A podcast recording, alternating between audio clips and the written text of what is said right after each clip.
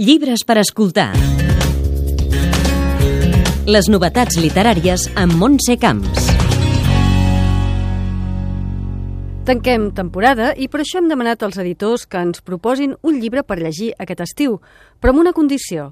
No pot ser de la seva editorial, sinó de la competència. Han acceptat el joc i aquí tenim cinc propostes.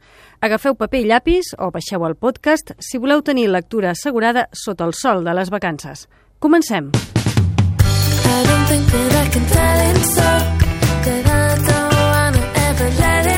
Miquel Adam, editor d'Ara Llibres.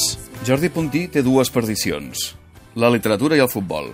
Últimament ha publicat un petit llibret, publicat en Púries, que és el llibre que us recomano per a alguna d'aquelles darreres tardes d'estiu on es pren consciència que la felicitat és finita i que els somnis s'acaben. Tard o d'hora la carrera esportiva de Messi s'acabarà i prendrem consciència exacta del privilegi que hem tingut tots aquests anys. Necessitarem llibres com el del Puntí per convertir el lament en una dolça melanconia, que en paraules d'Oscar Wilde és l'alegria d'estar trist. El Messi del Puntí és el que entregaré cerimoniosament als meus fills el dia que em preguntin per la grandesa d'aquell jugador tan i tan menut.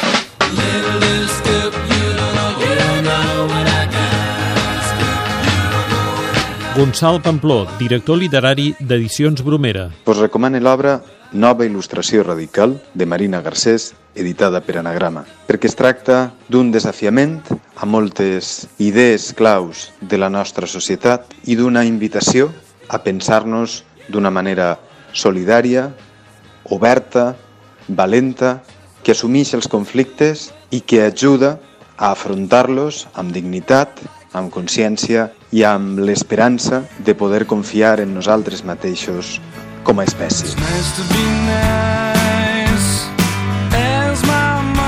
Eugènia Brogi, editora de l'Altra Editorial.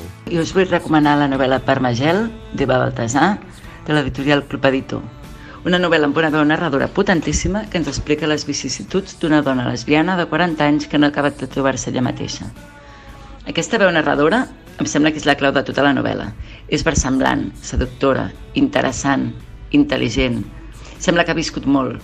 És sovint inspiradora i també il·luminadora. És la veu dels que som o ens sentim diferents, però vivim més o menys encaixant amb l'entorn. La veu d'algú que en realitat és dues persones, la que flueix per dins i la que es mostra al món. És una veu que es fa superpropera, a més a més, que sembla que et parli a cau d'orella, que tingui el secret més ben guardat d'algun món superintrigant. Els diàlegs i escenes amb la mare i la germana per mi són de lo millor del llibre, juntament amb l'humor, les fantasies protosuïcides de la protagonista i la prosa de l'autora, que és poeta i se li nota perquè és una prosa molt celebrable.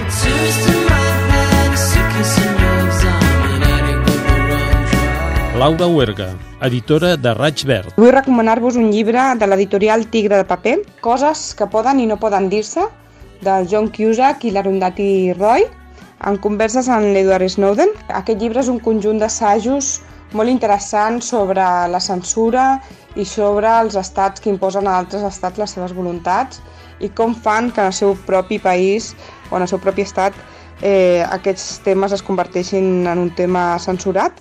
Us el recomano sobretot perquè estem vivint ara un moment on la censura està a l'ordre del dia i és molt important que reflexionem què és autocensura, què és la censura i bé, després de pensar-hi, actuar. I Pilar Beltran, editora d'Edicions 62. Us recomano El barri de la Plata de Julià Guillamont, publicat per l'Avenç, un llibre de no ficció, tot i que alguns lectors l'han llegit com una novel·la, en el que el Julià Guillamont desenvolupa la història del barri de Poble Nou durant el segle XX, en paral·lel a la història de la seva família, un llibre que us recomano moltíssim, tant per veure la transformació de Barcelona i d'un barri en concret, com també per veure aquesta família tan novel·lesca de la menestrelia barcelonina, que jo crec que interessarà molt a tothom.